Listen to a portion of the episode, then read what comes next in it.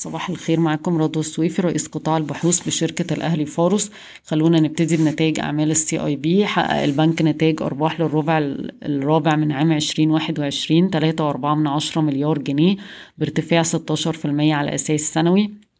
صافي الأرباح عام 2021 13.3 من عشرة مليار جنيه بارتفاع 30% على أساس سنوي.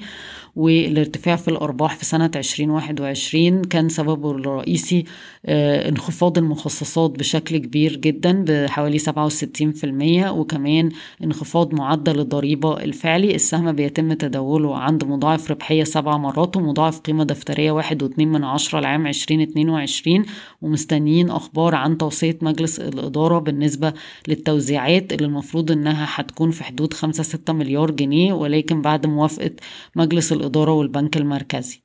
ستقدم شركة جولدمان ساكس وشركة آه، المحاماة White & Case الاستشارات آه، لمجلس إدارة EFG Hermes بشأن الاستحواذ آه، المفترض من بنك أبو ظبي الأول وأعطى مجلس الإدارة الضوء الأخضر لبنك أبو ظبي الأول لإجراء الفحص النافي النافي للجهالة بس آه، بعد موافقة الهيئات الرقابية.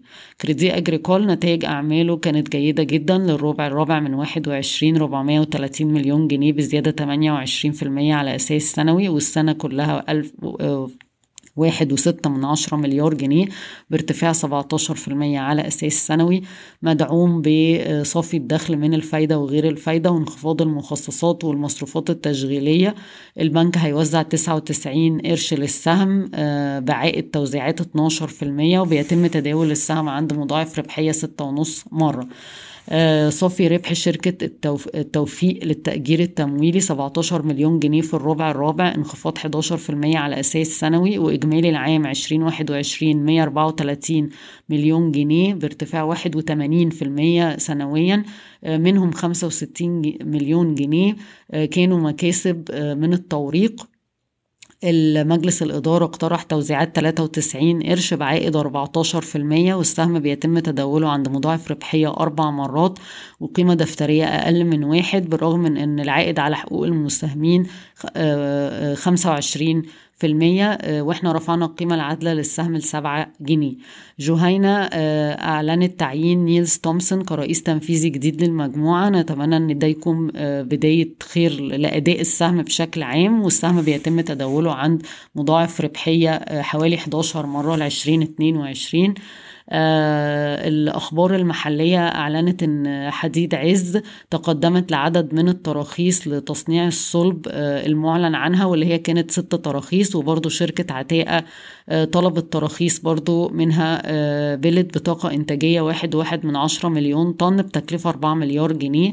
فوري أعلنت عن توقيع اتفاقية لتأسيس شركة رودرز وهي منصة آه، بتربط شركات الشحن الفردية وعمليات التسليم الصغيرة آه، لم يتم الكشف عن قيمة الاستثمار. قالوا هنعلن عنها في الربع مع نتائج أعمال الربع الرابع. آه، مجلس النواب أعلن موافقة مبدئية على مشروع قانون الإيجار اللي بالنسبة لأصحاب العقارات لو عندها مستأجر من المؤسسات تقدر آه، تخلي أو تراجع شروط العقد. وده طبعا آه، مصر الجديدة للإسكان هي المستفيد الرئيسي. آه، تم تأجيل محاكمة سبيد ميديكال بشأن الإفصاحات المتضاربة عن برايم سبيد ومستشفى الصفوة ليوم 28 فبراير. النهاردة التلات بفكركم بأسعار السلع الرئيسية. البرنت عند حوالي 97 دولار للبرميل. مؤشر اليوريا انخفض جامد جدا 40% تقريبا ل 555 دولار للطن. آه، إحنا أصلا توقعاتنا مبنية على 550 دولار. فمادام الأسعار أعلى من 500 دولار مفيش داعي داعي للقلق بس هي لو نزلت عن 500 دولار هنا اللي هيبتدي يحصل مراجعة للقيم العادلة بتاعة الأسهم. آه، انخفضت أسعار البولي إيثيلين بنسبة 5% ل 1320 دولار للطن بولي بروبيلين 1255 دولار للطن فرق أسعار الديزل وال heavy fuel oil ثابتة عند 328 دولار للطن.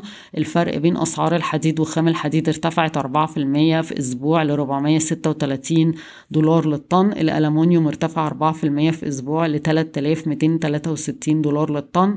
أسعار الأسمنت لسه ثابتة عند 1200 1250 جنيه والفحم الحراري ثابت عند 219 دولار. زيت النخيل اللي بيدخل في الجبنة 1400 دولار للطن زادت 2% وأسعار اللبن البودرة اللي بتدخل في اللبن والزبادي زادت 6% ل 4295 دولار للطن. بشكركم ويوم سعيد.